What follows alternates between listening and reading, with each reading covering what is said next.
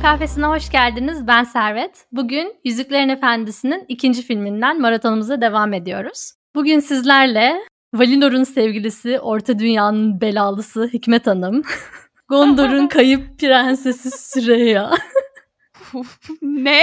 Sen ne hazırlanmışsın böyle? yeniden doğuşuyla önümüzü aydınlatan Luna White. Biz şey yapıyoruz, courtesy yapıyoruz şu anda. Bunlar yapıldıkça eğilip selam veriyoruz. Aynen hep beraber beraberiz. Kendime isim bulmadım. O kadar manyak değilim. Servet the Brave. Eyvallah.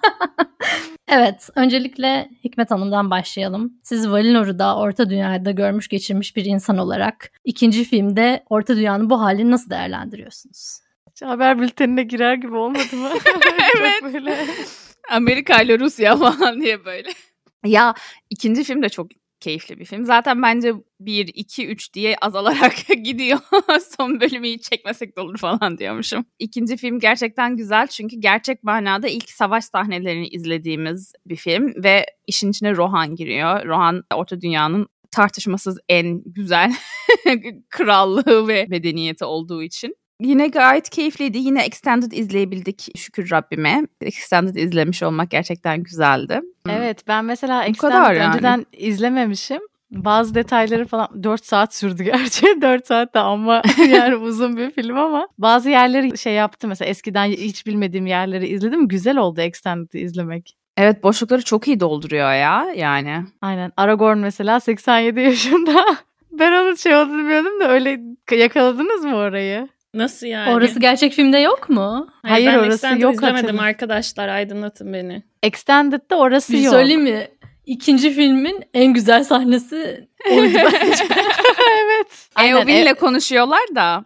Eowyn diyor ki sen dedemle savaşa mı gittin? Hani Theoden öyle söylüyor diyor. O da evet diyor. Deden çok iyi birisiydi işte baban şeyde amcan da çok küçüktü çocuktu o zaman fa- falan hatırlıyor olmasına şaşırdım falan yapıyor böyle. O da e, nasıl yani o zaman siz kaç yaşındasınız falan diye böyle yavaş yavaş tahmin ediyor. 60, 70, 80 Caprice Caprice'le ne olur şey biliyorsunuz değil mi? 60.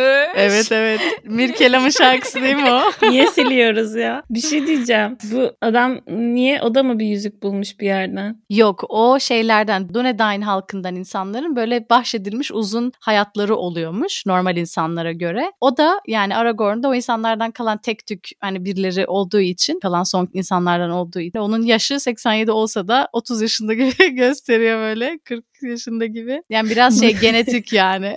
Cilt bakım rutinimi açıklıyorum diye bir video çekilmiş. Harika. Bu hani elflerle beraber savaşçılar da onları da elf gibi özellikler bahşedildi falan tarzı bir hikaye mi arkadaki?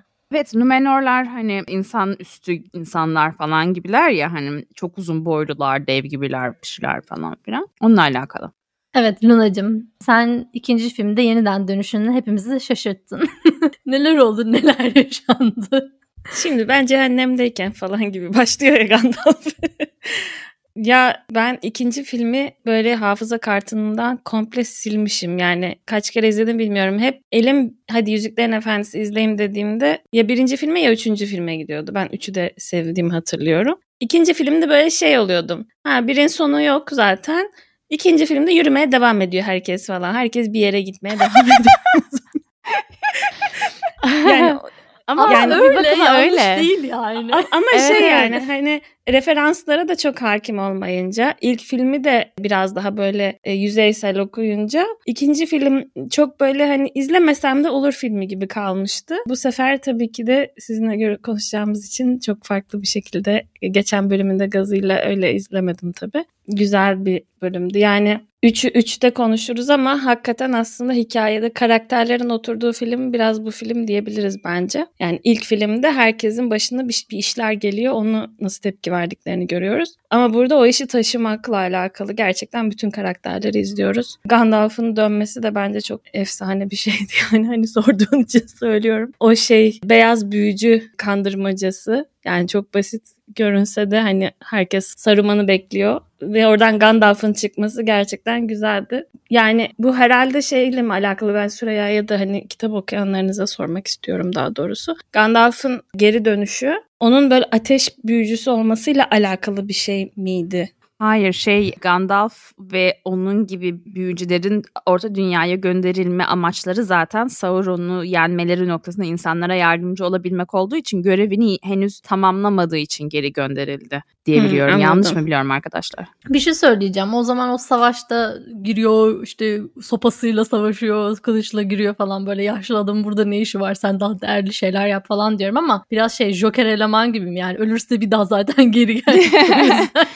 Ya bir de Gandalf'ın şöyle bir rolü var. Az önce hani Matmazel Luna'nın dediği şey var ya herkes sanki orta dünyanın kaderini belirleyecek olan bu savaşta farklı bir rol oynamaya başlıyor. O kaderlerinin yoluna giriyorlar ya onların o yola girmelerinde Gandalf çok kritik bir rol oynuyor. Sanki tüm kartları o karıyor gibi işte Merry ile. Pippin'e diyor ki siz burada kalın entlerle kalın diyor. Yani orada ne olacağını tahmin edebiliyor mu? Öngörüsü mü var? Sezgileri mi kuvvetli? Ne bilmiyoruz ama hani onların orada kaldığı zaman iyi bir rol oynayacağını biliyor gibi. Sonra şeyi alıyor nedir onun adı Aragorn'u alıyor hadi biz şeye gidelim diyor. Rohan'a gidelim. Rohan'da yapmamız gereken bazı işler var diyor falan. Yani Gandalf çok iyi bir oyun kurucu bence. Bu süreci yönetiyor. Onu görmek keyifliydi yani. Aynen özellikle bunu kitapta da çok daha detaylı bir şekilde görüyorsun. Çünkü sürekli böyle bir şeyler planladığını ve hep Hatta filmde de buna Aragorn diyor. Hani gene gizemli bir şekilde konuştun Gandalf diyor Aragorn. Yani adamın dediğin gibi muhtemelen öngörüsü ya da hani bir şeyleri hissetme durumu var. Ve o sayede ne kadar iyi böyle satranç oynar gibi taşları böyle yerlerine yerleştiren bir karakter aslında. Benim de en etkilendiğim sahnelerden birisi onun geri dönüşü yani. Hatta bu savaş oluyor ve şafak vakti beni bekleyin diyor ya doğuya bakın en böyle gaza geldiğin andır yani o şeyler ya hakikaten onu o karakteri izlemek çok zevkli bir şey. Bu noktada Servet dedi ya hani yaşlı adamın ne işi var diye. Ben tam tersini düşündüm. Adam sen neredesin? Bir de önce kendisini gördük ordunu. Ben şey zannettim hani bu yolda Aragonların karşılaştığı küçük kampanyayı bulmaya gitti falan herhalde zannettim yanında diğer komutanı görünce bu Rohan kralının yeğenini. Elinde kocaman asası var kendi uzun boyundan büyük kullanmıyor ya. Onunla kılıç gibi kullanıyor. Ya sen kılıç kılıcı kılıç tutanlar sihir yap falan. ya sanırım ben de öyleydim. Burada büyü yok Evet. mu ya? Burada niye büyü yapmıyor ya? Ya bir Ya de şöyle Gandalf'ın her yerde bulunması gerekiyor gibi bir şey ya. Adam hep böyle insanları fiştekliyor, fiştekliyor. Ondan sonra ortadan kayboluyor. Ben ilk izlerken hep ona gıcık oluyordum. Yani Frodo'ya diyor ki yola çık Frodo ama benim gitmem lazım. Ondan sonra bu filme geliyoruz. Burada diyor ki Rohan'a işte Saruman size saldıracak, savunmanız lazım, savaş gelecek diyor. Sonra hadi görüşürüz 5. günde diyor falan gidiyor böyle. Başta ona çok Ya. gıcık oluyorsun ama bir yandan da diyorsun ki yani adam şunu biliyor. Bu insanlar kendi başlarına bu işi yapamayacaklar. Bir alliance oluşturmak Bunlar gerekiyor. salak. Aynen. Bir de biraz daha şey ya benim de izlerken hep böyle düşündüğüm şey ya Gandalf aslında bir sürü büyü yapsa ışık mesela güneş ışığıyla falan böyle işte orkların üstüne gitse hepsini öldürebilecek belki şey güce sahip. Ama sanırım biraz daha orada bu yani müdahaleci bir tavır mı sergilemesi lazım yoksa daha çok yönlendirici ve asıl insanların hani kendi karakter ve işte düşünceleriyle o yola doğru itmeye çalışmak mı? Yani birazcık burada şey de var. Hani Çok iyi dedin ya. Değil mi? Interventionist Evet. böyle bir şey mi? Tanrı mı yoksa yani daha böyle? galibiyet sadece kendisinin sebep olduğu bir şey olmamalı modunda yani hani galibiyet herkesin kendi cevherlerini keşfetmesiyle ve beraber hareket etmesiyle olacak bir şey. Gandalf orada belki herkesi Matmazel Luna ile senin de dediğiniz gibi kaba kuvvetle bir şekilde öne çıkaracak, avantaj haline getirecek haldeyken kendisini geri plana çekiyor sanki. Çok ilginç bir nokta ya. Benim orada yani film boyunca hor gördüğü bir tek Pippin varmış gibi geliyor. Böyle salak falan diye böyle biraz onu e, itip kokuyor. Ama sonra onun da değerini keşfedecek. Ama bunu daha sonra konuşalım. Rana sen de bir şey diyeceksin herhalde. Evet yani şeyi düşünüyordum. Gandalf böyle yeniden doğması vesaire. Geçen bölüm bayağı bir dini referanslara değindik ama sanki böyle gerçekten melek gibi bir karakter. Böyle peygamberi bir şey dışında. Hani bir belirip kaybolan koruyucu ama müdahale edemiyor. Gücü aslında sınırlı ama ilahi vasıflara sahip bazı açılardan falan gibi. Onu düşündürttü bana da sizin dedikleriniz. Bir yerde şey duydum ben. Hızır aleyhisselam gibi bir şey diye okumuştum. Çok mantıklı. Neredeyse o hakikaten ya. Çünkü bir de bak şöyle referanslar da var yani Mitrandir yani Gandalf hep kötü ve şey zamanlarda göre hep böyle hani en zor zamanlarda ortaya çıkan bir karakter biraz ona hakikaten benziyor yani. Bir de sinir ediyor değil mi? Yani hani haşa şey yapmak gibi olmasın ama hani Hızır Aleyhisselam'ın olayı da aslında yaptığı eylemlerin tam olarak anlaşılamaması hikmetinin. Değil mi? Evet. Bunda da benzerlik var o açıdan. Ama yani genel olarak Gandalf karakterini benim anlamam açıkçası Dumbledore'u bilmemden dolayıymış gibi hissediyorum. Yani Dumbledore'un böyle o son kitapta falan halini, tavrını, neyi neden yaptığını falan özellikle de sizinle beraber okurken birazcık daha iyi anlamaya başladığım için Gandalf da sanki aynısıymış gibi davranıyorum. Özellikle o şey sahnesinde hani Frodo'yu ölüme yolladım. Bunu biliyorum. Yapılması lazımdı. Orada yani ilk reaksiyonum bu sefer şey olmadı. Ha pislik, kurbanlık, koyun gibi yetiştiriyorsun falan hani. Onu çünkü 9 yaşındayken Dumbledore'a karşı hissetmiştir. Aynen. 20 yılda bir şeyler değişmiş arkadaşlar. evet o zaman yavaş yavaş diğer karakterlere geçelim. Ya genel olarak size şey sorarak başlamak istiyorum. Bu kitapta aslında iki tane temel hikaye var. Pippin'le Merry'i sayarsak da üç diyebiliriz yani. Bir tanesi Mordor'a doğru giderken Frodo ile Sam'in yaşadıkları Gollum'la beraber. Bir tanesi de işte savaş vurdu kırdı falan. Rohan bir şeyler oluyor oralarda. Bunların film boyunca birbirine örüldüğünü görüyoruz. Ama kitapta kitabın ilk yarısında sadece şeyleri okuyoruz. İşte Gandalf'a ne olmuş, Rohan'a ne olmuş falan onları okuyoruz. Hobbitlere ne oldu hiç bilmiyoruz yani. Kitabın ikinci yarısından sonra onların hikayesini okumaya başlıyoruz. Filmi izlerken bu dikkatinizi çekti mi? Yani bu iki hikayenin birbirine nasıl örüldüğü ve hangisini hani tercih ederdiniz diye başlayayım. Çok iyi bir soru sorduğum için düşünüyor musunuz? Hiç güzel bir soru olmadığı için cevabımı vermek istemiyorsunuz. Ya ben bunu unutmuşum. Şu an sen deyince hatırladım. Ve ben hani hep Frodo ile Sam kısımlarını okumaktan keyif almadığımı hatırladım. Ee, Neden? Hobbitlerinden mi keyif almamıştın? Yani işte Mordor kısmı biraz yavaş ilerliyordu diye hatırlıyorum. İşte Şey diyorlar orada çok fazla fikir tartışması varmış. Yani olay pek yokmuş. Diğeri böyle savaşlar bilmem ne falan bir sürü olay olurken ikinci yarısında daha böyle felsefi yani bir tartışma götürüyormuş. Ama birazcık da hani karakterlerin motivasyonları yani Sam için bu ne demek, Frodo için bu ne demek falan. Bunların Hmm. çok iyi anlaşıldı. Ya açıkçası ben dönüp kitabın ikinci yarısını dinlemek istedim yani. Çünkü daha iyi anlamak istiyorum onların psikolojilerini. Öyle. Matmazel Luna sana geçelim hadi. Ya ben tabii kitabı okumadığım için ben bu arada sesli kitaba başladım ama birinci kitabın ilk saatinde falanım. Hangi versiyonu okuyorsun? Bu Gollum'u oynayan oyuncunun seslendirdiği diyecektim. harika. Evet muhteşem gerçekten. Geçen hafta demiştim 2021'de Andy Serkis seslendirdi diye. Andy Serkis meğer Gollum'u oynayan adammış. Ben de dün Evet. gece fark ettim bunu. Muhteşem bir tecrübe Aa, yani. çok güzel. Ama soruna cevap verecek olursam ya ben Frodo'lu sahnelerin giderek ağırlaştığını düşünüyorum. Aynı çünkü yüzük nasıl onun boynunda ağırlaşıyorsa bizim için Frodo'yu izlemek de ağırlaşıyor bence. Üçüncü filmde bu daha da baskındı benim için. Yani çünkü orada tamamen çok yalnızlar, çok pis bir yerdeler ve daha da pisliğin içine düşmeye yakınlar. Yani bile isteye gittikleri hem onları çağıran hem de yani o çağrıya cevap vermemeleri gereken bir durum var. Yani fiziksel olarak orada olmaları gerekiyor ama ruhsal olarak orada olmamaları gerekiyor falan gibi. O çok iç sıkıcı. Yani Frodo'nun o Smeagol'la olan ilişkisi bu şey kitabın başında Gandalf e, anlatıyormuş ilk kitabın başında işte Gollum'un hikayesini. Orada Frodo işte niye Bilbo zamanında öldürmedi Gollum'u diye bayağı ısrar ediyor. Sonra hani filmde onun aslında niye merhamet ettiğini, Gandalf'ın ona niye acıdığını anladığını hissettiği yani filmde göstermiyor ama hani bu detayları düşününce 3. filmde anlatacak sanırım Gollum'un hikayesini bize gösterecek. Gerçekten ağır yani hani bir insan ya da neyse Hobbit'in yok oluşu da değil, çürüyüşü, çürüme tamam galiba o, o yani o dağlarda yürüyorlar bir yandan çürümeye Evet. gidiyorlar gibi bir durum. O çok ağır geldi bana. Diğer kısımları izlemesi çok daha kolaydı yani. Çünkü yani Rohan Kralı mesela o çürümüş halinden kurtulma sahnesi falan çok tatmin Evet. ediciydi. Yani Ay adamın çok yüzü güzel değil mi açılıyordu. sahne? Ya şey sen madem Gollum'dan bahsettin ama birazcık oraya da girebiliriz. Yani çünkü bu filmde yeni karakterlere giriş yapıyoruz. İşte Faramir gibi, işte Theoden gibi ya da Eowyn ve aynı zamanda Gollum. Ve izlemesi böyle belki en keyifli karakterlerden birisi Gollum. Ve şöyle ince bir detay var. Aslında ilk filmde bunu konuşmadık. İlk filmde Sauron yüzüğün nerede olduğunu bulmak için Gollum'a işkence ediyor ya.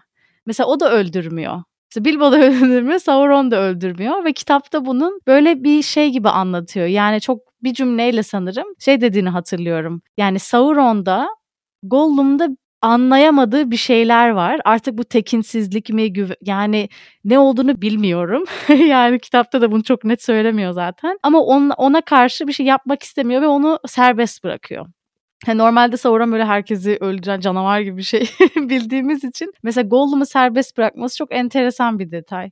Um, o belki şey de olabilir hani e, geçen bölümde konuştuğumuz daha hani greater good'un bir şeyi var ya e, iradesi yani hani bazı şeyleri olması gerektiği şekilde olması için kaderi Tanrı o şekilde onlara şey yapıyor bahşediyor gibi. Sanki bana da şey geldi Gollum'un oynaması gereken bir rol var ve o rolü oynayabilmesi için Gollum'la karşılaşan herkesin bir şekilde onu onun oraya varmasını doğru zamanda engellememesi lazım gibi bir şey sanki. Yani o yüzden mesela hani Gollum'un karakteri işte mesela çok sözüne güvenilmez oluşu ondan sonra sürekli bir şeyleri yalan söylemesi falan bir de bir sürü yani şey şizofrenik bir yapısı da var. Yani bir iyi tarafı var bir kötü tarafı var. İyi tarafını seçtiğinde mutlu oluyorsun mesela ben onun iyi olduğunu görünce sanki böyle şey gibi hani bir e, ev hayvanı şeysinde modunda böyle işte balık malık tavşan getiriyor ya şeylere hoşuma gidiyor yani onu izlemesi. Mesela potatoes şeysi, patates muhabbeti Sam'le olan. Ama yani hani orada o işte iki taraflı ve çok uzun seneler vücudunun çürümüş olması. Yani iki karakter var aslında bizim yüzüğün fiziksel olarak değişimini gösterdi. Biri Sauron. Şu an çok değişik bir fiziki alemde yani. Biri de Gollum yani ve 500 sene boyunca yüzüğü taşımış ve şu andaki hali böyle içler arası durumda olan bir varlık. O yüzden yani şey konuşmaya değer bir karakter diye düşünüyorum. Ne düşünüyorsunuz Gollum hakkında? Açıkçası yani beni çok şaşırttı. Bence filmdeki yani en komplike karakterlerden bir tanesi. Yani Yüzüklerin Efendisi'ni bana açıkçası daha çok sevdirdi bu filmde. Bende yarattığı hisler. Hem böyle acıyorsun hem çok tatlı. Öyle sahneleri vardı ki o oyuncu ne kadar iyi bir oyuncuymuş gerçekten. Değil Aşırı mi? tatlı. Böyle kalbim sıcacık oluyor mesela o şey yaparken iyi tarafına gelirken. Ondan sonra ya bir de felsefi olarak da hani önemli bir yerde oturduğunu hissediyorum. Bu merhamet meselesi. Mesela warm tail diyeceğim değil warm tongue. bu o isimleri falan da mı J.K. Rowling şeyden çaldı ya buradan Ay çaldı. aynen ya.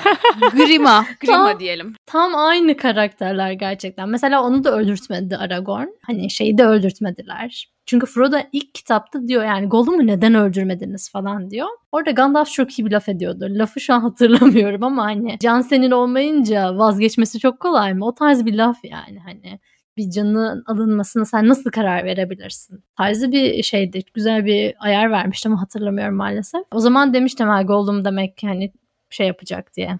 Şey diyordu çok... galiba ölen pek çok kişi ölmeyi hak etmiyordu. Yaşayanlardan da pek çoğu ölmeyi hak ediyor. Evet Bunun aynen. Hangisi olduğunu karar verme yetkisi bizde değil falan gibi bir şeyler diyordu sanki. Aynen evet böyle bir şeydi doğru. Okey daha güzelmiş. yani o, o açıdan çok ilginç geldi. Bunu devamlı hani üçüncü kitapta da konuşabiliriz ama e, bu ikinci filme dair yine Gollum'la ilgili son söylemek istediğiniz şeyler var mı? Var benim var. Buyur. Ben mesela çocukken hani farklı izleyişlerimizde farklı hissiyatlar almamızdan bahsettik ya. Ben daha gençken izlediğimde böyle biraz daha Sam gibi tepkiler veriyordum Gollum'a. Onu fark ettim. Gerçekten hiç sevmiyordum ve Frodo'ya da biraz rahatsız oluyordum Frodo'nun Gollum'a karşı böyle bir şeyinin olmasına, kalbinde yumuşak bir yer olmasına çok daha böyle şey bakıyordum. Bunun ne olduğu belli, buna güvenmek hata falan modundaydım. Ama bu izleyişimde şeyi fark ettim. Gollum'un geri döndürülebilir olması yani o yüzüğün Gollum'u dönüştürme etkisinin merhamet, sevgi ve dostlukla bozulabilecek bir büyü gibi olması fikri aslında Frodo'nun bu yükü taşımasını kolaylaştıran bir şey. Çünkü yüzüğün onun üzerinde bir etki sahibi olmaya başladığının farkında ve bu etkinin hani diyorlar işte the ring will claim Frodo's life yani bu ya da işte The Quest mi diyorlardı galiba. Bu yolculuk Frodo'nun şey yaşamına mal olacak. Orada aslında sadece yaşamına değil aynı zamanda ruhuna da mal olabilme ihtimali var. O Frodo'nun bence şeysi hep Sam'le aralarında geçen şey konuşmaları işte geri dönecek miyiz? geri döne, dönemeyecek miyiz? İşte şairi tekrar görebilecek miyiz? Gibi şeylerde de hep o tansiyon var sanki. O yüzden Gollum'un orada olması onlara bir destek. Sadece yolu göstermesi, onların guide'ı, rehberi olması açısından değil. Bir yandan da manevi bir destek veriyor yani. O çok güzeldi. Bir de şey konuşalım bence. Hani Gollum'u konuştuk ama Sam'le Frodo'yu konuşmak istiyorum ben. Çünkü bu filmde bana en çok dokunan sahnelerden bir tanesi şey oldu. Osgiliath'a götürüldükleri zaman Faramir bunları yakalıyor ve artık şey Frodo neredeyse yüzüğü Nazgul'e verecek kıvama geliyor yani iyice gidiyor. Orada Sam ona bir konuşma yapıyor, motivasyon konuşması yapıyor ya. O konuşma mükemmeldi. Kötülüğün faniliğinden ve geçiciliğinden bahsediyordu. Diyor ki işte evet burada olmamalıyız. Buraya ait değiliz. Belki gerçekten çok kötü bir kaderimiz var şu anda ama en sonunda diyor işte bu karanlık da geçecek diyor. Her zaman karanlıkta geçmek zorundadır ve yeni bir gün doğacak ve çocukluğumuzda işte ben şu an bu arada simultane tercüme yapıyorum arkadaşlar. ben de dedim. İngilizcesini de okusana ya. Okay, İngilizcesini okuyayım. In the end, it is only a passing thing, this shadow. Even darkness must pass. A new day will come orada bir şeyleri atlamışım. Sonra şey diyor. Those were the stories that stayed with you, that meant something, even if you were too small to understand why. But now I understand diyor. Sonra işte şey diyor. Folks in those stories had so many chances to turn back but they didn't. They kept going because they were holding on to something diyor. İşte şeyde Frodo'da çok çok iyi. Yani Tolkien'in kendi hikayesine yaklaşımını da biraz Aynen. kesinlikle anlatan bir şey. O arayı da bir çevirelim mi? Diyor ki işte biz çocukken diyor bazı hikayeler bizde bazı izler bırakıyordu. Bıraktığı izlerin... Şu an tüylerim diken diken oldu. bu bıraktığı izlerin sebebini anlamıyorduk çocukken ama artık anlayabiliyorum. Artık o irfana sahibim diyor. Bizi bu kadar etkilemesinin sebebi geri dönmeye ve vazgeçmeye bu kadar çok şansları oldukları halde geri dönmedikleri, inandıkları için yola devam ettikleri için bu karakterler, bu hikayeler bizde bir iz bıraktı diyor. İşte Frodo da biz neye dayanıyoruz diyor. Sam de diyor ki bu dünyada hala bir iyiliğin ve güzelliğin olduğuna ve bunun savaşmaya, uğruna savaşmaya değecek bir şey olduğuna inanıyoruz diyor. Hadi bakalım podcast kapatıyoruz. Yeter bu kadar. kapat podcast'ı kapat. Orada işte Faramir bunu dinliyor ve diyor ki tamam eyvallah yolunuzun üstünde ben taş olmayayım diyor yani. Betül abla geçen hafta dedi ya şey diye. Yani Hı. Tolkien böyle ince ince mesela burada çok ince bir şey gördük tamam mı yazdı. Bu kadar ince dokumasının bu kitabın sebebi aynı zamanda bu kitaba bir ibadet olarak yaklaşıyor olması. Hani satılacak böyle okunacak bir, kitap falan gözüyle baksa bu kadar üstüne düşmez bir insan. Hani bu kadar da düşünür. Mesela J.K. Rowling için sürekli diyoruz ya bunu da bu kadar düşünerek yazmış mıdır ya tahmin etmiş midir ayarlamış mıdır falan. Ama Tolkien'e bakınca böyle adam ibadet etmiş. Yani bu cümleyi yazarken böyle bir kafada yazmış. Şu an çok beni etkiledi gerçekten. Şey diyor yani yıllar sonra siz bu hikayeyi unuttuğunuzda bile böyle bir duruma düşseniz benim hikayemin böyle kalıntıları sizi doğru yola sevk edecek midir? İnşallah sevk edecektir diyor yani. Aynen öyle gerçekten. Ben de izlerken direkt aha Yüzüklerin Efendisi'nden bahsediyor falan oldum böyle. Ben bu filmin yani bu serinin genel olarak aslında bu kadar erdemlilikle ilgili olduğunu hiç anlamamışım ya daha önceki izlemelerimde. Yani şöyle iyiler var kötüler var tamam hani bu dinamik fantastik edebiyatın bence en temelinde olan şey ama birçok güncel işte diyeyim iyilerin kötülük yapması yani daha doğrusu şöyle kötüler var ve biz onları kıtır kıtır kesebiliriz gibi bir şey yok yani asla. Ve bu filmde özellikle bunun şeyini çok iyi kuruyor. Yani bu evrende iyi olmanın ahlaki çerçevesini böyle tek tek tek tek kuruyor gerçekten. O yüzden hani o anlattığınız işte Gollum'un hayatta bırakma meselesi, can alma meselesi. Yani orada acımasızca davrandıkları tek şeyler orklar. Onu da belki biraz konuşabiliriz yani bu orklar başka bir şeyi temsil ediyor gibi. Yani o arada mesela hainler var, hainlik etti bize. Ya gidip Saruman'a şu su var bu su var diye anlatan bir adamı öldürmediler mesela. Şu an herhangi bir savaş ne bileyim teorisi, cartı, curtu. Yani her şey mübahın alanına bile girmeyen bir şey bu belki de. Yani bariz bir şekilde sana zarar verecek bir karakteri öldürmediler mesela. Bu çok ilginç geliyor bana hala. Hani Saruman'ı işte da öldürmeyecekler ama. ileride mesela. Saruman'ın da gitmesine şey yapacaklar. Yani evet e, bir bu şey mi nasıl diyeyim? İkilem mi yani? Neden bazı kötülükler? Çünkü farklı farklı kötülük biçimleri var anladığım kadarıyla. Corruption var falan hani. Neden farklı kötülükler farklı şey muamele görüyor? Hani özellikle Rings of Power'da orkların sanki böyle anlaşılmamış bir halk işte kendi evleri olmadığı için agresif davranıyorlar falan gibi böyle biraz daha sempatik mi diyeyim anlaşılabilir gösterilmesi durumu var. Ama sanki gerçekten bu filmlerde orkların motivasyonu nedir? Yani nasıl bir kültürleri var, nasıl bir ne yerler, ne içerler falan bunlar birazcık şey bırakılmış. O yüzden de anlamıyorsun gerçekten o dinamiği yani. Bir de yani şöyle bir durum var değil mi? Orklar kötü, elfler iyi. Seçim yapabilen sadece insanlar var sanki. Ama yo entler de seçim yaptı. Kendi kendime çürüttüm. Soru bitti. Ama bir de bir şey söyleyeceğim. Elfler iyi değil. Yani e, Silmarillion'da falan elflerin de çok böyle korrupt olduğu, işte nefislerine yenildiği, bir sürü dünyayı yıkıma götürdüğü falan durumlar söz konusu. Bence PR'ları çok iyi elflerin.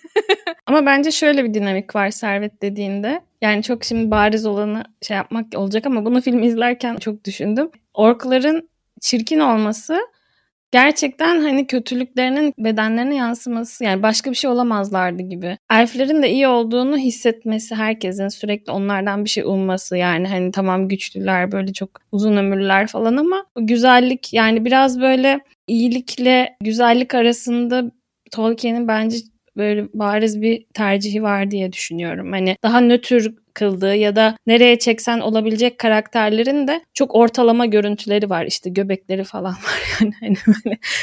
Bir de şey de var mesela e, kötülükle dilin de bir ilişkisi var anladığım kadarıyla. Çünkü hani elf lisanı çok güzel bir dil. O lisanda işte şarkılar söyleniyor, şiirler okunuyor. İşte o lisanın kelimeleriyle çok büyük ve irfani hisler ifade ediliyor falan. Ama mesela kara lisanla alakalı Gandalf'ın söylediği bir şey vardı. Kara lisan orkların ve işte Mordor'un kullandığı dil. O dilde sevgi ve sıcaklık ifade eden hiçbir kelime yok diyordu mesela. Bence bu çok önemli bir ayrıntı. Yani sanki kelime dağarcıklarında öyle bir kelime olsa yaşayışları, tecrübeleri, dünyayı hissedişleri daha farklı olacakmış gibi. Rings of Power'da mıydı? Şey diyordu, elf lisanında ölüm diye bir kelime yok diyordu. Ya da birinci filmde miydi? Ben onu yakalamamışım hiç. Ama mantıklı yani. Güç yüzüklerinde olabilir evet.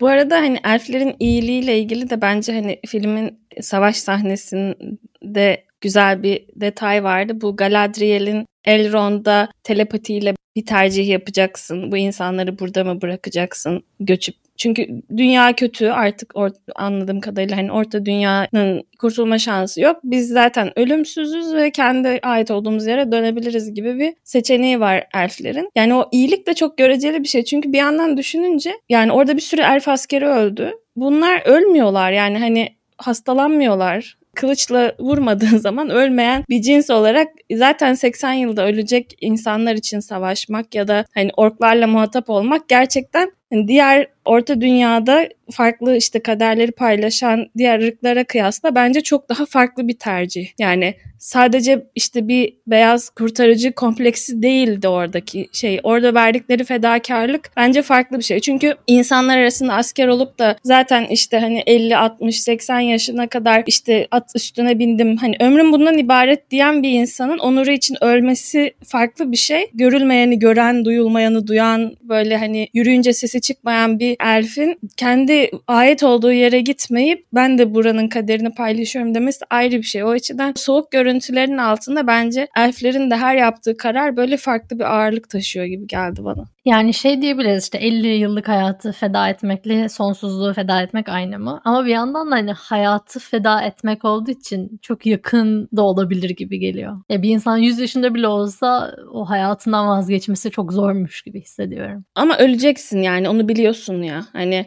dü- dünyanın sonunu görebiliyorsun ama bir elf için yaşlılık gibi bir eziyeti çekmek de yok mesela. Başka bir tür maneviyatla, başka bir tür dünyayla zaten tanış olmuşsun, oradan geliyorsun, farklı ihtiyaçların yaratıyorsun. O yüzden onların gelmiş olması hani o çok cool'lar falan gibi izliyordum ben o sahneyi. Ya geldi elfler kurtaracak falan. Ama bir yandan da o mesela komutanları vurulduğu sahnede ya o adam gerçekten ölmeyebilirdi. Yani bir gemiye binmesine bakardı. Hiç ölmeyebilirdi yani. Hani. Size elflerle alakalı bir şey daha söylemek istiyorum. Yeni öğrendiğim yani tam olarak mahiyetini hiç anlayamadığım bir şeydi açıkçası. Hani neden elfler orta dünyayı terk ediyorlar? Özellikle Arwen'den falan bahsederken böyle çok işte sen solucaksın falan filan deniyordu. Anladığım kadarıyla şöyle elflerin zaten orta dünyaya hiç gelmemesi gerekiyordu. Yani onlar hep Valinor'da kalmaları gerekiyorlardı. Ama işte Silmariller kaçırılınca onun şey yapmak için Melkor'dan geri almak için bir şekilde oraya geliyorlar ve orada kalıyorlar yani binlerce senedir. Ve onlara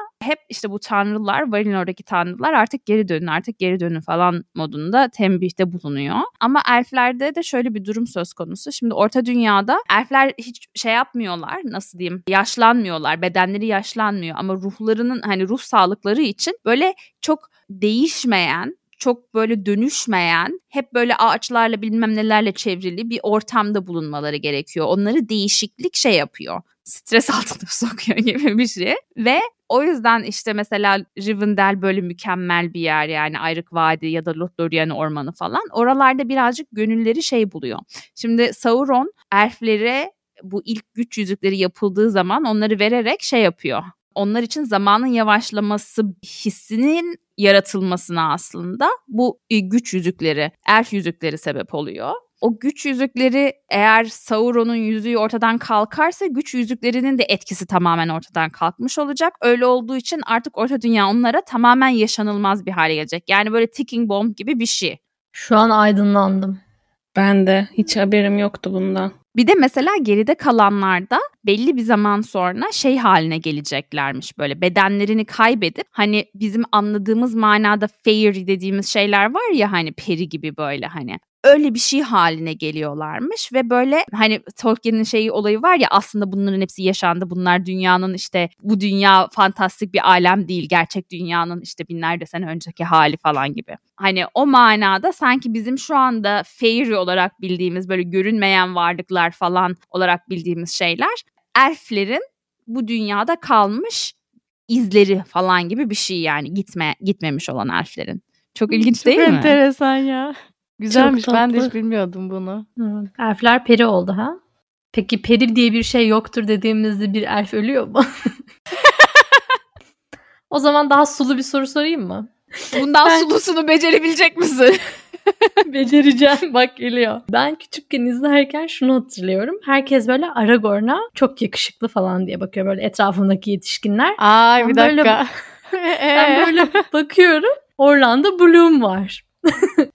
Şimdi ben gerçekten 9 yaşında bir insan olarak orada gördüğüm sarışın uzun yer, uzun saçlı adamı şey bulmuşum yani hani karşı cins kafamda öyle bir şeymiş yani o zamanlar. Böyle şeyler hatırlıyor musunuz? Böyle de? testosteron şeysi yok, belirtisi yok, safe böyle tamam mı? Sakal makal yok. Aynen bizim sınıftaki çocuklara benziyor. Aynen. Aslında o zaman buradan favori karakteriniz böyle şey diyorlar crush diyorlar ya celebrity crush. Öyle bir karakteriniz var mıydı sorusuna girer bu. Benim var mesela bir tane. Aragorn mu? Hayır yok Faramir. Ciddi misin? Ciddi Evet. olamazsın. ya küçükken evet onu izlerken böyle şeydi yani hani babası onu işte sevmiyor Boromir'i seviyor ama o çocuk işte böyle babasını gene de işte ihanet etmiyor ve istediklerini gene yapıyor ölümden dönüyor falan. Bana o yüzden çok böyle bir de kitapta da güzel anlatıyor. Mesela kitabı da şimdi okuyorum böyle çok keskin zekalı falan diye anlatıyor böyle. O yüzden bana o çok samimi ve şey güzel bir karakter geliyordu. O yüzden ben hep Faramir'in böyle ortaya çıkışı hoşuma gider yani giderdi küçükken. Bir de casting çok iyi değil mi? Tamamen ya gerçekten de Ned Stark'ın kardeşi gibi yani. evet. Sizin var mıydı böyle şey yaptığınız? Benim girl crush'ım vardı arkadaşlar o da Eowyn'di. Ha. Gerçekten mi? Ben de onu düşünüyorum. Yani burada bir tane kadın karakter var. Şimdi Arwen'le Galadriel'i saymayalım artık. Onlar kadın üstü bir şey yani. Ee, ben, bu arada ben benim ilk izleyişim ikinci filmi. Bunu söyleyecektim başta unuttum. Yani baştan sona gerçekten içinde ne olduğunu göre göre ilk Wow. izleyişimdi. Hatta üçüncü filmi hatırlarım diye durdum. Sadece iki, iki sahne hatırlıyormuşum yani. Ben 2'yi de 3'ü de ilk defa izledim diyebilirim yani. şey diyecektim yani o küçük bir kız çocukken Eowyn senin için neydi? Valla Eowyn yani tabii üçüncü filmde daha da şey oluyor karakterin ne kadar kuvvetli bir karakter olduğunu görmeye başlıyorsun ama Eowyn'in şöyle bir şey yüz ifadesi var ya böyle hep gözleri dolu ve böyle çok mağrur. Yengeç kadını. ben de tam balık kadını diyecektim ama yengeç de olur. Yani o Eowyn'in sırtının böyle dikliği, ondan sonra Aragorn'la aralarındaki konuşmalarında aslında ne kadar yiğit, mert bir kadın olduğunu anlatışı, ölümden korkmuyorum, acıdan korkmuyorum falan deyişleri. Yani bence Arwen şöyle ben şey moduna değilim işte hani Aragorn neden Eowyn'i seçmedi falan. Ya onlar zaten yıllar önceden aralarında nişanlanmışlar. Onlar birbirlerine sadıklar. Hani böyle bir işte Arwen olmamalıyım Hayır. modunda değilim. Hayır bir de He. 87 yaşındaki biriyle 20 yaşındakini de düşünemezsin yani öyle de bir şey geliyor. Doğru. Değil mi? Ama Twilight'ta şey... düşünüyorsun bir şey olmuyor. İşte evet tam o konuşmayı hatırladım. Ben Twilight bölümümüzde konuştuğumuzda bu adamın çok yaşlı olması gerçeğini konuşmuştuk. Biraz o benim de aklıma geldi. Neyse böldüm sen devam et. Yani o yüzden hani Arwen bence bu hikayede çok yeri olan bir şey değil. Hatta kitaplarda hiç ana diyalog falan da verilmemiş yani hani böyle. O yüzden Arwen'le bir ünsiyet kuramıyorsun. Yani işte güzel bir kadın falan hani güzel şarkı söylüyor ne bileyim Hani böyle elflerin yaptığı gün geçirmelik aktiviteler yapıyor falan. Aragorn'un rüyasına giriyor arada. ya. Yani aşık bir kadın. Belki aşkı için yaptığı bazı fedakarlıklardan ötürü hani saygı duyulabilir ama hani böyle... Tabii ölümsüzlüğünden vazgeçiyor değil mi şey için Aragorn için? Aynen. Tabii bu Ama Eowyn yani yiğit ya yani. O yüzden ben çok seviyordum. Tip olarak da böyle bence çok güzel bir kadın Eowyn'i oynayan oyuncu yani. Bilmiyorum. Çok sevmiştim yani. Evet hatta Eowyn böyle şey Gerçi filmde de böyle yemek veriyor bu extended version'da yemek veriyor ve hani böyle şey sahneler koymuşlar. Hani kötü yemek yapan bir kadın yemek yapmasını bilmiyor. Muhtemelen ama Aragorn böyle zorla tadına bakıyor. Güzelmiş falan diye böyle şey sahneler de koymuşlar. Eowyn'in bir de yani bu savaşa gitmesi, insanları dinlememesi, hani siz beni hani sadece kadın olduğum için sanki savaşa katılamazmışım gibi görüyorsunuz çıkışları insanın hoşuna gidiyor yani. O yüzden o karakteri hmm. okurken hatta ben daha çok beğendim Eowyn'i filmden. Çok feminist bir karakter. Aynen biraz o şeysi ya, var yani. Arkadaşlar ya. Bir haterlık yapabilir miyim? Bana şey gibi yani 20, ilk defa 28 yaşında izleyen bir kadın olarak toyken bakmış herkese erkek yazmışım ya olmaz bir tane de kadın yazayım o kadın da erkek gibi olmak istesin. bu bu yani. Hayır ama şey yani birazcık Rohan'ı konuşabiliriz. Yani Rohanlılıkla alakalı bir mevzu. Rohan bana hep Türk, proto Türk bir şeyi hatırlatıyor açıkçası. Hani vatanımız, atlarımız at, ve ailemiz, neydi, at, avrat, onurumuz. Neydi ya? Silah ya at, öyle avrat. değil ama hani yani. At mevzusu özellikle. Yani Rohanlılar mükemmel ler. Yani Gondor çok böyle çürümüş, çok böyle ne bileyim New York falan gibi geliyor bana açıkçası. Ama Gondor'u New York gibi deyip Gondor'u sen aşağılıyorsun ya. New York'ta yaşamış bir insan olduğunu çok belli yani. Çünkü New York'ta yaşamamış bir insan için New York çok güzeldir ya. Sen oranın çilesini çekmiş bir insan olarak böyle farelerini falan biliyorsun yani. Onu böyle hani aşağılayıcı bir terim olarak kullandığını herkes anlıyor mu bilmiyorum. Bunun altını çizmemiz gerekiyor belki evet. Aynen. Süreyya sen bir şey diyordun. Ben Rohan'la ilgili bu filmde izlerken Önceden galiba çok dikkat etmemiştim bu şeye ama ve extended version olduğu için olabilir. Kral kendine geliyor ve işte oradaki o şey mezarlıklara gidiyorlar ve hani o acıyı gösteriyor ya hiçbir baba oğlunu gömmemeli diye bana yani Rohan'la ilgili böyle izlerken en böyle duygusallaştığım şey yaptığım anlardan birisi oydu yani. Çünkü bu aslında bu savaşın, bu nefretin ne kadar büyük bir yıkıma sebep olduğunu ne kadar büyük kayıplara sebep olduğunu görüyorsun ve orada hani o sahneyi izlemek, adamın tekrar doğuşunu ve işte orada ailesi için üzülmesini izlemek böyle şeydi yani hani en dokunan sahnelerden birisiydi bana. Hani Rohan'la ilgili konuşunca aklıma o geldi. Onu söylemek istedim yani o kısım falan bence çok şeyliydi yani. Çok güzel bir anlatım var. Çok üzüntülüydü yani. Ondan piggyback yapmak istiyorum. Biliyorum çok konuşuyorum. Lütfen beni affedin. Türkçesini de söyle. Bu arada geçenlerde bir mesaj geldi. Bizim normalde İngilizce kelimeler kullanmamıza hani herkesin sinir olduğunu varsayıyorduk ama bir mesaj geldi. Siz cümle içinde hani İngilizce kelime kullanıp sonra çevirince ben o kelimeyi öğrenmiş oluyorum yani. Benim İngilizcemi hmm. geliştiren bir faaliyet oluyor falan yazmışlar. Çok mutlu oldum. Bu piggyback kelimesini de ilk defa ben doktorada sınıfta duymuştum. Böyle Aa, I wanna piggyback on that falan dedi biri. Ben ne yapıyorsun ne yapıyorsun? Yerim mi zamanı mı şimdi falan. o yüzden hani çevirisiyle verelim. Bizim için doğal bir kelime olabilir ama ilk duyan açısından çok saçma sapan bir kelime. Ya piggyback aslında birisinin sırtına binmek gibi bir şey. Hani o çocukları sırtına alırsın, şey yaparsın, gezdirirsin ya. Onu ama mecazi manada hani şey ben de o az önce söylenen şeyi takip eden bir şey söylemek istiyorum gibi bir şey demek değil mi? Aynen geçen de biri yine mesaj atmış konferansa gidecekmiş bizden hani İngilizce tavsiye falan istemiş. E, bu, bu kelimeyi kullanabilirsin. Biri soru sorduktan sonra onunla alakalı bir soru soracaksan bu şekilde girebilirsin. Tamam konuya dönelim buyur.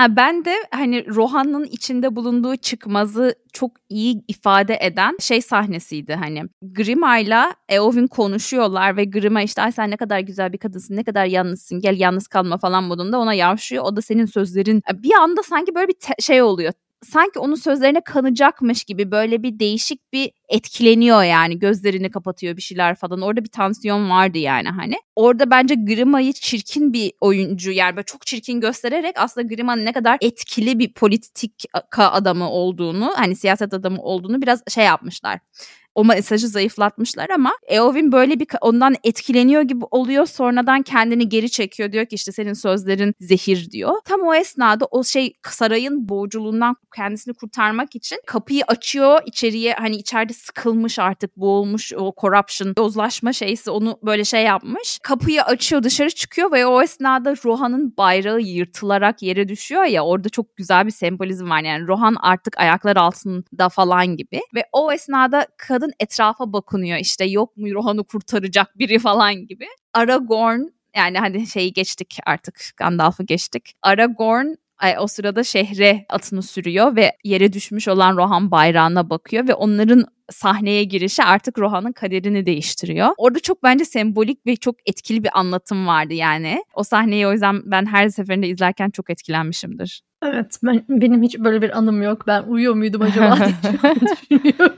Şey konusunda katılıyorum bu arada. Grima konusunda daha aslında yani biraz daha çirkin onu göstererek ve daha böyle neredeyse orka yakın bir tipleme olarak göstererek hani biz direkt ondan nefret ediyoruz şey yapıyoruz ama kitapta anladığımız kadarıyla çok yumuşak sözler söyleyen bir şekilde insanların kanına giren birisi. Çünkü hatta Theoden Aragorn'a bir şey söylüyor. Aragorn mesela şöyle bir muhabbet olsun. Diyor ki hani ya siz yorgunsunuz efendim. Siz dinlenin ben hallederim gibi bir şey söylüyor. Çok basit bir şey aslında. O da şeyde karşı çıkıyor yani böyle hani bana yumuşak sözler söyleyerek Grima gibi beni kandırmaya çalışma falan gibi beni etkileme gibi bir şey söylüyor. Yani orada sadece muhtemelen Grima adamın iyiliği için konuşan, işte daha böyle güzel sözler, hoş sözler, yumuşak sözler söyleyip onu bir şekilde şey altına alan birisi, manipüle eden birisi. Ama onu filmde izlerken direkt aa işte hani buna nasıl kanıyorlar insanlar ne kadar pislik birisi diye şey yapıyorsun. Kitapta ayrım daha iyi yani filmde daha şey zayıf hakikaten. Filmde adamın makyajını slime gibi yapmışlar. Yani adamı sanki tutarsan elinde vıcık vıcık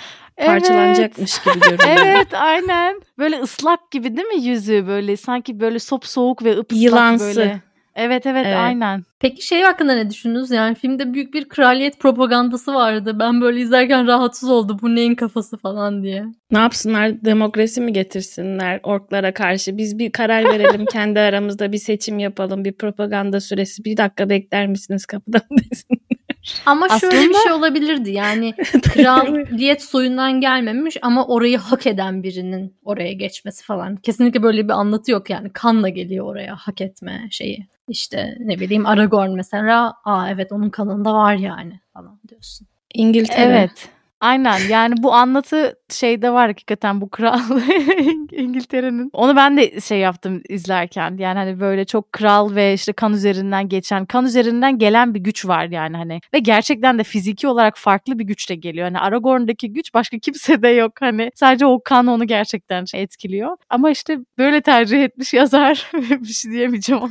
Ya ben Tolkien'e takılmıyorum aslında daha çok filmin yapımcıları çünkü yani birinci filmde mesela Hobbitlerle başlıyoruz. Hobbitler daha çok ön planda.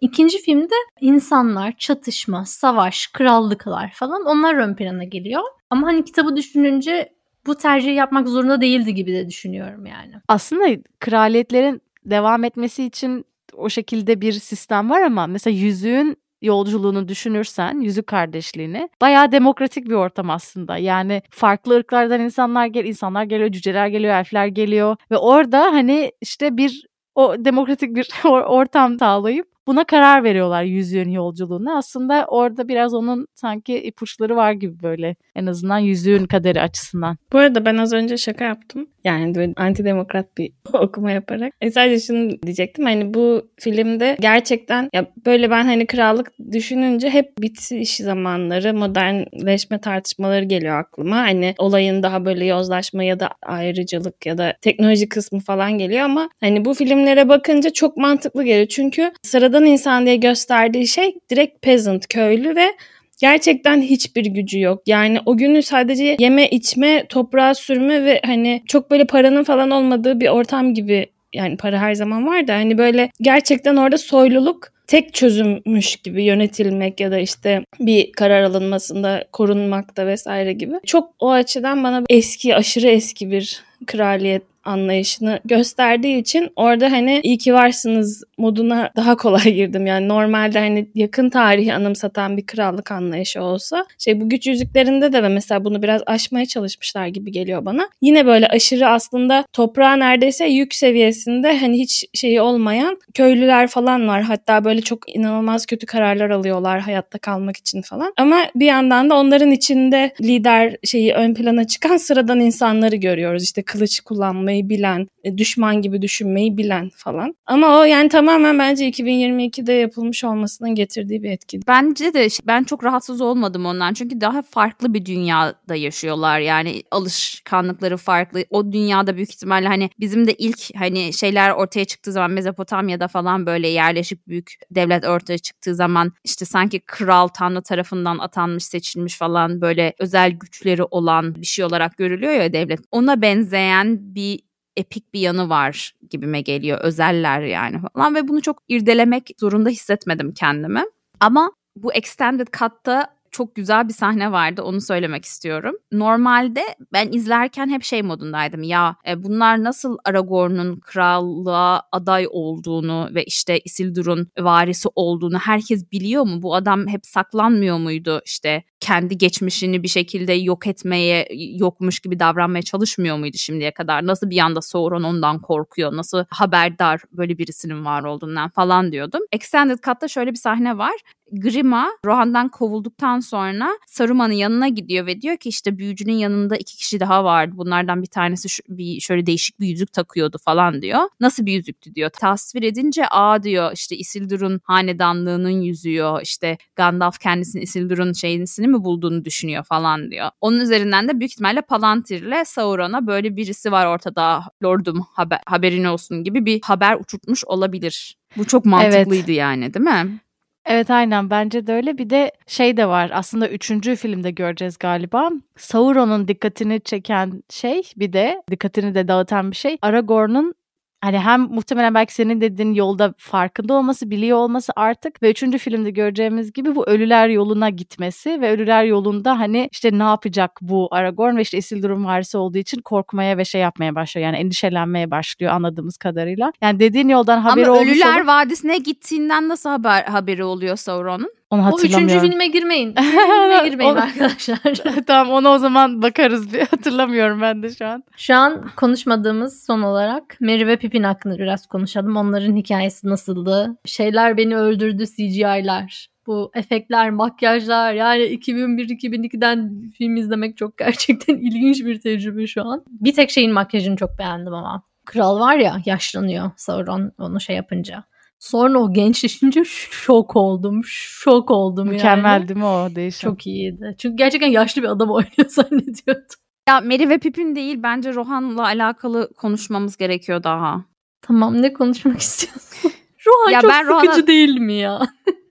Aşk olsun. Bak Rohan'daki o yani şey Miğfer dibindeki sa- şey savaş hayatımda izlemekten bıkmayacağım tek savaş sahnesi galiba. Ve ya bak bu eşim kadar... de aynı şeyi söylüyor. Diyor ki bak bak bak gel falan yapıyor sürekli izlerken. ne var işte savaşıyorlar yani falan böyle bu bir destan epik falan diye böyle. Şu sahneye bak bu sahneye bak falan. Anlat bakayım ne güzel. Ya şöyle bir kere o savaş olmadan öncesini bu kadar yavaş yavaş tansiyonu yükseltmeleri. Yani eğer bu savaş sahnesi şu anda Yüzüklerin Efendisi'ni tekrardan çekelim remake yapıyorlar ya e, denilse tekrar çekilse böyle hop diye aksiyonun içine atlayacaklar tamam mı? Ama o da o dönemde bu çekilirken savaşın öncesinde yapılan hazırlıklar, bekleyişleri, kendi aralarındaki kavgaları, o işte orklar kapımıza dayanıyor ve çığ gibi büyüyen bir korku var. Biz sabahı görebilecek miyiz? Bunu hiç şey yapmadan, aceleye getirmeden çok ince ince işleyerek bizi o savaştan daha savaş olmadan önce korkutuyorlar. Yani ben o savaşı beklerken hadi artık olsun bitsin ne olacaksa falan moduna giriyorum. Ve sonra savaş başladığında çalan müzikler, yağmur yağmaya başlaması ve işte geri çekilmeleri teker teker. Geri çekildikten sonra işte hadi son bir direniş yapalım deyip işte şey boruyu çalması, o boruyu öttürmesi şeyin Gimli'nin. Sonra atlarıyla o orkların aralarına dalmaları ve onları tek tek sanki şey süpürür gibi böyle süpürmeleri ve en sonunda onlara gelen yardım. Yani nasıl daha epik bir anlatım olabilirdi bilmiyorum ama bence de her seferinde anlat- tüylerimi diken diken ediyor. Ben yaratılırken herhalde kodumdan buralardan etkilenen kısım böyle silinmiş yani. Ama aslına bakarsan iki kule filminin en heyecanlandırıcı yeridir yani. Hani iki kule Fellowship'e göre biraz daha şey, daha yavaş ve ağır ağır hani şeyin dediği gibi Tabaş'ta Matmazel Luna'nın yürüyorlar bunlar dediği hani hikayenin daha ortalarındayken gibi şey olduğu için o savaş bence filmi en canlandıran yerdi yani. O konuda katılıyorum. Ve savaşın şeysinde merkezinde şöyle bir ikilem var. Yani çok büyük bir orduyla karşılaşacağız ve şeye baktığın zaman hani rasyonel olarak düşündüğün zaman kazanma imkanımız yok. Yani biz ölüme gidiyoruz, gömülmeye, mezarımıza gidiyoruz falan gibi bir algı var. Ama bunun karşısında da umut her zaman vardır. İşte savaşı kazanan şey sayılar, ordular değildir. Savaşı kazandıran şey inançtır falan gibi bir şey var ve bu bana açıkçası çocukluğumuzda da çok şey yaptığımız peygamber hikayelerindeki o şeyi hatırlatıyor. Yani hani melekler de onlarla beraber savaşıyor vesaire şeysi var ya işte sayıları ne kadar küçük olursa olsun bir şekilde o şeyin içerisinden çıkıyorlar Görünmez ordular. falan. Görünmez ordular. Aynen çok onu hatırlattığı için belki de bu kadar hoşuma gidiyor yani. Yok ben de seviyorum. Ben de bu sahneleri çok seviyorum yani izlemeyi. Bazen düşünüyorum böyle hani Gandalf komutanım falan diye öyle bizi de çağır falan moduna girecekmiş gibi hissediyor insan. Bir de orada şey de var yani orklar da çok nizami. Mesela bu ayrıntı da beni biraz şaşırttı. Çünkü orklar hep böyle tabiri caizse deli dana gibi koşturan ve kendi ağırlığıyla, silahının ağırlığıyla önüne gelen bütün her şeye zarar vermeye kurulu. Dolayısıyla aslında biraz böyle ne yıksam kardır. Bir de böyle kendileri de yaralanıyorlar falan ama sanki hani yeni bir dövme yaptırmış falan gibi davranıyorlar ölümcül bir yara alana kadar. Hani hep böyle bir işte Hobbit filmlerinden falan da onlar daha yakın zamanda izlediğim için böyle bir şey kalmıştı. Hani daha çete halinde olan orklar. Ama orada Gimli'nin dediği bir laf vardı yani bunlar Uruk-hai, bunlar bayağı programlı askerler ve tam olarak öyle davranıyorlar. Bir yanda içeride kaçışan insanlar ve hani bir yandan savaşmaya çalışıyorlar. Yani o ikisi arasındaki denge yani organize kötülük gibi bir savaş da var dışarıda. Hani bunlar geldi sadece abuk subuk kötü sesler çıkarıyor değiller o merdivenleri atma sahneleri falan. Ben de normalde bu kadar aksiyon savaş sahnesi izlemeyi seven biri değilim uzun süre ama çok etkilendim. Bir de benim için savaşın en güzel kısmı Gimli'nin olduğu sahnelerdi. Yani niye bilmiyorum beni acayip sanki yani o savaş sırasında bir karakterle özdeşim kuracak olsam o Gimli olurdu gibi. Çünkü böyle işte boyu yetmiyor ama bir yandan çok iyi bir savaşçı ve yani kendi o sıradaki eksiklikleriyle çok inanılmaz iyi. bir başa çıkma şekli var. Hem evet. çok kahramanca hem böyle hani arkadaşlarına laf yetiştiriyor. Bir yandan gerçekten zekasını da iyi kullandığını görüyoruz. Yani çok pratik zekalı bir adam. Ve beni çok güldürdü izlerken. Legolas'la olan Legolas. ilişkisi, işte Aynen. Aragon'la olan ilişkisi, böyle bir arabulucu şey tavrı. Yani şeyi görüyorsun. Şimdi evet bir tipik cüce algımız var kafamızda. İşte bunlar madencidirler. İşte çok iyi silah yaparlar. Ondan sonra biraz şey insanlara göre daha basıktırlar. İşte çok aşırı gururlulardır. Hatta hani tuhaf old yani böyle e, bu onların aslında biraz kusurudur yani. Belki bir elfin gururu hani dışarıdan görülmez ama hani giydiği teni gibidir ama hani şeyinki cüceninki sanki öyle değil gibi biraz sakil duruyor gibi geliyordu bana hep. Yani orada gerçekten o Gimli üzerinden böyle bir karakter de şu an ait olmadığı bir savaşta hiç başka cüce yok orada. Yani böyle çok muhteşem bir savaş sergiliyor gibi geldi bana. Orada şey diyor ya Aragon'a beni beni at diyor ama elfe söyleme diyor.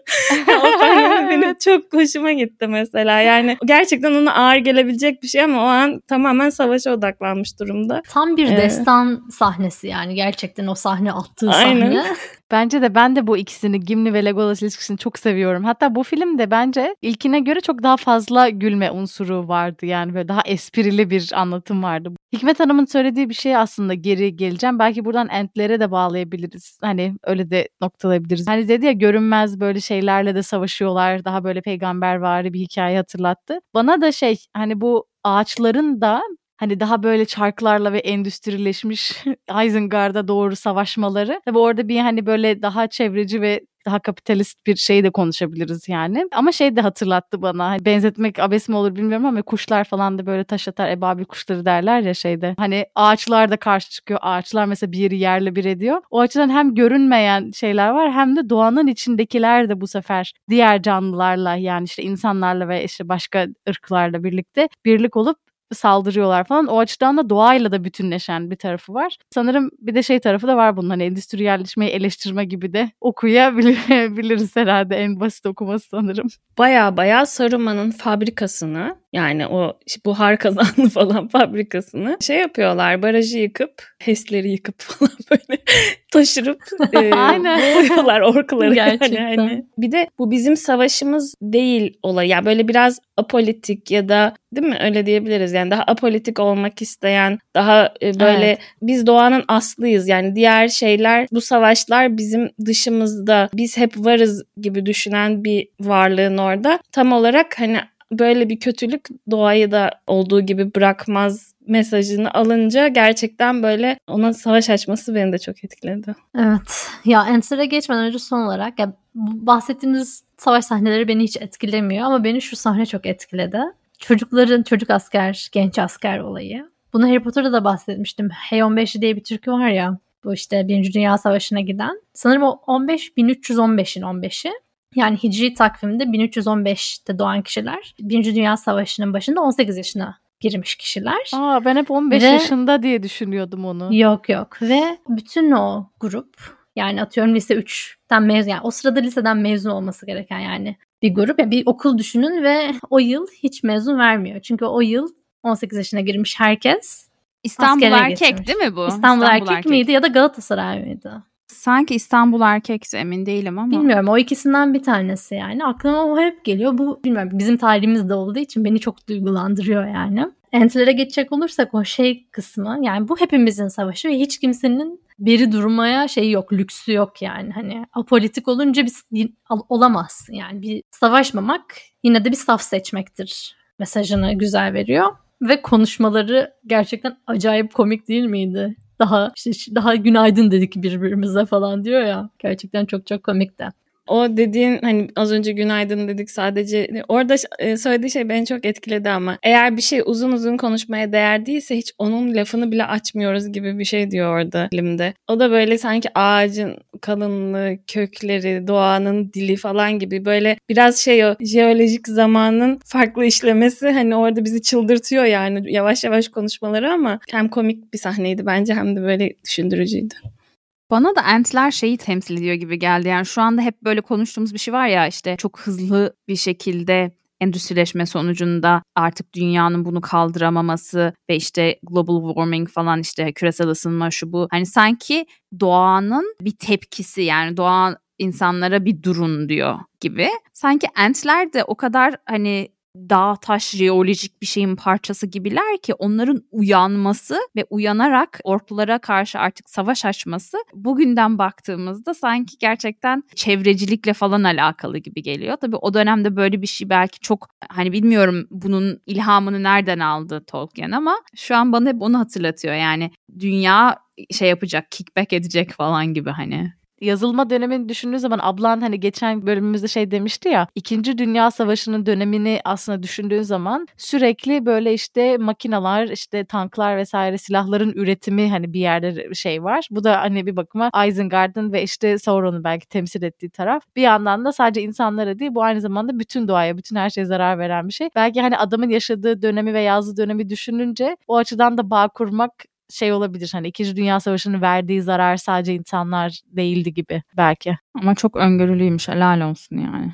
Bu lingüistikte şey kavramı var ya intertextuality, metinler arasılık yani bir metini tüketirken biz başka metinlerle olan ilişkisi üzerine de hani düşünüyoruz neticede. Çünkü hiçbir metin tek başına var olmuyor dünyada. Hep başka metinlerle beraber var oluyor. Sinemada da şöyle bir karşılığı var benim için. Şimdi Mary ve Pippin, Mary'e bakınca Lost'taki Charlie'yi görüyorum. Ve Charlie de kendisini feda ediyor ya geride kalanların yaşaması için, adadan kurtulması için. Yani gerçekten Mary'e bakınca Mary ne zaman böyle bir fedakarlıkta bulunacak, kendini feda edecek falan diyerek izledim. Orası da güzeldi yani o açıdan da. Hiç böyle niyet etmeden yapmış oldukları bir şey yani. Tesadüf. Güzel bir tesadüf. Tatlı bir tesadüf yani bizim içinde yaşadığımız evrene dair. Hangi rolü önce? Lost'taki daha sonra olsa gerek. Tabii canım. Ama işte ben tüketirken öyle tüketmiyorum. Evet o çok ilginç hakikaten. Ben de bu Samwise'ı oynayan aktöre baktım bugün. Meğerse Stranger Things'in iki sezon öncesindeki bir önemli bir karaktermiş yani onu oynuyormuş. Vay be adam gözlerimin önündeymiş her zaman. Çünkü Samwise'a bakarken böyle bir tanıdıklık hissi geliyor ekstradan. Hani Elijah Wood zaten Elijah Wood e, Yüzüklerin Efendisi'yle tanıdığım sonraki rollerini çok takip etmediğim bir oyuncu. Evet. O üstüne yapışmış oluyor ya bu tür roller. Elijah Wood'un yani ben de bilmiyorum başka nerede oynuyor. Bakınca da direkt Frodo diyorsun. Yani adamın ismi ismi yok Frodo mu diyorsun. Mary ile Pippin sahnelerinde de benim şey hoşuma gidiyor. Gerçekten o esprili anlayış mesela bu herhalde sanırım Pipo'ya tütünü koymayı akleden ilk halk oldukları için ve orada da böyle Isengard'da şey buluyorlar ya böyle bir yemek deposu gibi bir şey buluyorlar ve orada sigara buluyorlar aslında yani tütün buluyorlar. Onlar falan benim çok hoşuma gidiyor yani izlerken hani o yüzden dedim ya bu filmdeki bu neşe ve espri unsurları daha fazlaydı. O yüzden böyle izlerken daha çok güldürdüğü taraflar oldu yani. O yüzden ikisini izlemeyi seviyorum yani genel olarak.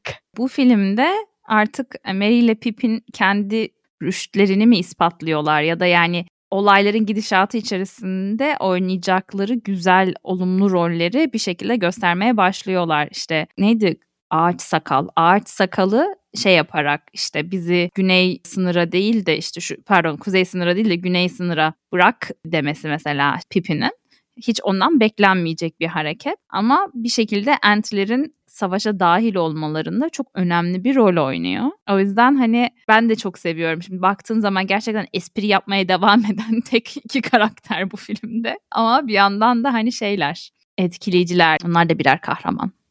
Evet benim gözümde ilk filmdeki o sinir bozukluğu ya bunlar niye var?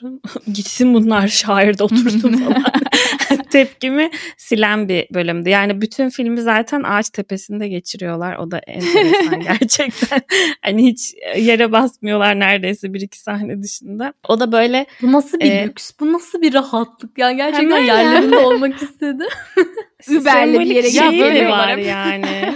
Hiç Böyle yere gamsız... inmiyorlar yani. Sırtta taşınma şeyi yani ağacın sırtında taşınma mevzusu. Bir yandan da böyle hani orada olmak sanki onları olgunlaştırıyor gibi de. Tamam o ormanlık alanda geçiyor bütün film on, şey süreç onlar için ama yani şeyi iyi vermişler. O geçen sürede artık ne yaşadılarsa orklarla falan filan gerçekten artık şairde olmadıklarını, şairin eski şair olamayacağını, ne yaşanacaksa yaşanması gerektiğini, buradaki rollerinin geri dönüp kalmak olduğunu da bunun başka bir anlam yani sadece kendini korumak dışında başka bir anlam ifade ettiğini çok sindirmiş iki karaktere dönüştüklerini. İlk filmde öyle değildi. Aa gezi mi var falan öğretmenim ders iptal oldu mu modundalardı yani. O, o çok sinir bozucu. o yüzden bu filmde gerçekten hani beni üçüncü filmde onları görmek için heyecanlandırdı. Yoksa gerçekten tahammül edemiyorum bu karakterleri.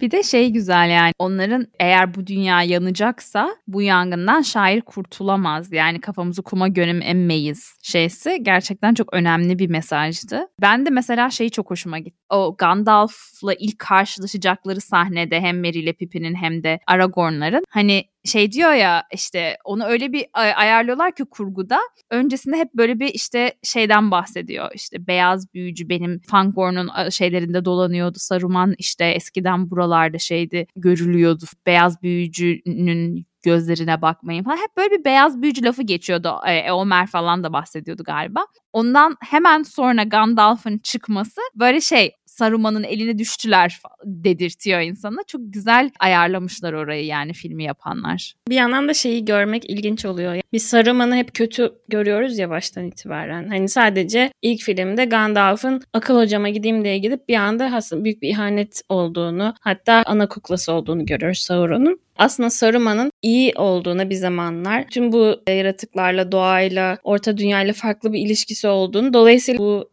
varlıkların hani Saruman'ın kötüleşmesinin tam olarak ne demek olduğunu ne kadar geç idrak ettiklerini de çok benim için gösteren bir şeydi. Aa, demek ki gerçekten farklıymış hani. Isengard'ın anlamı çok başkaymış ki böyle büyük bir şok ve ancak katliam görünce inandılar mesela. Bir de ben şey bilmiyorum bu arada çok küçük bir ayrıntı da. Belki siz hatırlarsınız kitaptan. Bu Ent hanımları yok artık kayboldular diyor ya. Hani artık hiç Ent çocuk yok. Çünkü Ent hanımları nerede bilmiyoruz nereye gittiler. Bununla ilgili biliyor muyuz ne oluyor kitapta falan ben de hala bitiremediğim için acaba ileride gelen bir hikaye bilmiyorum ama o orada hani filmde de geçiyor böyle aklımda kaldı. Ya sanırım o konuda bir gizem var. Net bir cevap yok ne olduğuna, nerede olduklarına dair ama Sauron'un onları katlettiğine dair bir söylenti vardı diye biliyorum. Yani Değilmiş. artık yaşamadıklarına dair. Anladım. Köklerini Çok acıklı bir şey ya. ya. yani... yani o Ent hanımlarının hikayesi gerçekten çok çok acıklı bir şey ve artık hani şey diyor ya hani neye benzediklerini dahi hatırlamıyoruz diyor ya orası çok Evet evet aynen. Duygusaldı. Evet arkadaşlar geçen hafta dedik ya bu bir destandır ve bu destanın farklı iterasyonları yazılabilir. Film versiyonu var, kitap versiyonu var. Siz bir daha kitabı yazabilirsiniz vesaire. Bu ikinci filmi siz çekecek olsanız sizin iterasyonunuz nasıl olurdu? 5 dakika mola falan düşünün ödev. Bence olduğu haliyle çok güzel. Değiştirmezdim herhalde. Ama şimdi bu film üçlü arasında üvey evlat. Yani gerçekten ortanca çocuk filmi. Ben öyle açıkçası son filmi öyle görüyorum. Gerçekten. Benim açımdan son ya, film son öyle. Film daha iyi. Bence son filmde efsane bir sürü sahne var ya. Ben bile seviyorum son filmi ne yaptın ya. Ya Gondor kuşatması mesela beni böyle çok heyecanlandırmıyor hani Miğfer'de bir kuşatması gibi. O yüzden ben de Rohan'ın adını bile hatırlamıyordum. Yani Gondor'du benim için. insanlar işte Gondor falan, Aragon. Hani hiç Rohan'ı hatırlamıyordum mesela. Aynı yerde falan zannediyordum. O, bütün o Rohan'la şey Gondor'un olduğu olayları. Ya şöyle yani... bir fark var bence. Gondor'da yaşayan insanların gerçekten çok böyle yiğit, mert olduklarını ya da Gondor'un kralının yiğit, mert olduğunu göstermiyor ya. Yani Rohan'la fark o. Rohan'da her e, Rohan mensubu bir sürü işte kralın ordusundaki tipleri görüyorsun, çocukları görüyorsun, Eowyn'i görüyorsun, Theoden'i görüyorsun. Yani her biri Eomer'i görüyorsun. Her biri ayrı ayrı gerçekten stand-up guy'lar yani. Eomer değil ya. Ömer değil mi o ya? o adamın adı niye Ömer ya? Çok iyi. Ama yani Gondor'da bir kere zaten başlarındaki pislik herif. Ondan sonra halktan kimsenin hikayesini bize şey yapmıyor. Yani o savaş esnasında böyle bir hani Hamla, Son of bilmem ne falan gibi birileri vardı ya şeyde Miferdim'inde. Ha, öyle bir halktan birisini görmüyorsun Gondor'da. E zaten Boromir hani tamam kendini toparladı etti falan ama yani böyle bir Boromir'de de Faramir'de de bir gıcıklık var babalarından aldıkları. Öyle olunca Gondor bana hep çok soğuk bir halk olarak geliyor açıkçası. Bilmiyorum. Biraz İstanbul gibi yani ş- şey diyeceğim şimdi. Şimdi bağlayabilecek miyim acaba? Hayır bir dakika. New York'a laf edebiliriz. İstanbul'a laf etmek yok.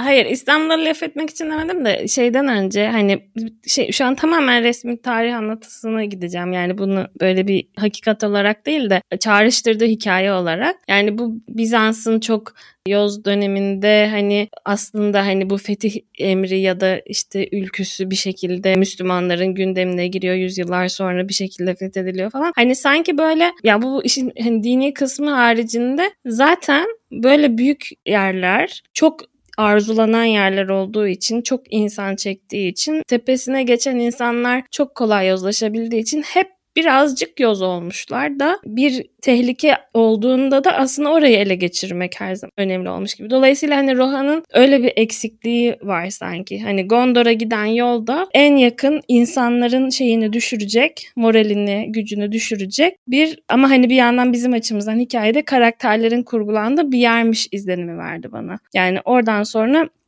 Savaş çünkü Gondor'a taşınıyor diye belki ben öyle okudum ama o yüzden hani Gondor'un şeyi beni çok rahatsız etmedi çünkü herkes yoz benim. Yani insanlar çok kolay yozlaşıyor. Benim Yüzüklerin Efendisi'nden aldığım şey bu zaten. Yüzüğü gören sapıtıyor falan gibi. Hani böyle en zayıf aslında hani güce karşı en kısa ömürlü, en küçük şeylerin peşinde koşan ırk insanlar diye düşündüğüm için hani beklentimi film çok düşürüyor ve Gondor'u da tamamen hani insanlar böyle. İşte aralarında erdemli bazıları çıkıp diğer ilahi ya da işte destansı güçleri olan yaratıklarla arkadaşlık kurup o erdemleri hani güçle buluşturup insanların insan kadar gücü işte o şehri kurması işte Aragon olacak gibi. Ya bir de bence şey de var yani orada şehir ve kırsal ayrımı da var. Çünkü Rohan e, gerçekten kırsalda yaşayan, kırsalda ölen, kırsalda var olmaya devam eden bir şey ve çok da bence kendi ayakları üzerinde durabilen bir şey. Yani düşündüğün zaman Rohan savunması, Miğfer dibindeki savunmada ne gibi bir yardım aldılar? Dışarıdan gelen 3 işte atıyorum hani 50 tane şey elf 50 elfin dışında Eomer de zaten Rohan askerlerini geri getirdi Rohan'a. Yani kendi başlarına kimseden destek almadan direndiler. Ama Gondor'a baktığın zaman işte biz çok mükemmeliz, biz insanlığın son kalesiyiz, bizim şehrimize bak ne kadar çok taşımız var falan modunda bir yer. Ama baktığın zaman o kadar çok dışarıdan yardım alarak ayakta duruyor ki aslında o şehirlerin şeysini de gösteriyor hani kaynak emiciliğini falan da gösteriyor. Yani kendi başına hiçsin sen aslında ama tüm şana şöhrete bilmem neye aday da sensin yani. Balık baştan kokar denir ya. Gondor'da biraz öyle bir durum var. O iğrenç herifin şeyinde yani. E, nasıl bir yer olabilirdik yani. Kralını bekliyor kralını. Evet arkadaşlar. Çok teşekkür ederim bu güzel sohbet için. Filme puan vermedik değil mi? Birinci filme de vermedik, ikinciye de vermeyelim. Üçünün sonunda belki toplu veririz. Ya da vermeyiz şimdi ben düşük falan veririm kızarsınız. o zaman haftaya üçüncü filmle görüşmek üzere diyoruz. Hoşçakalın. Hoşçakalın. Hoşçakalın. Görüşmek üzere.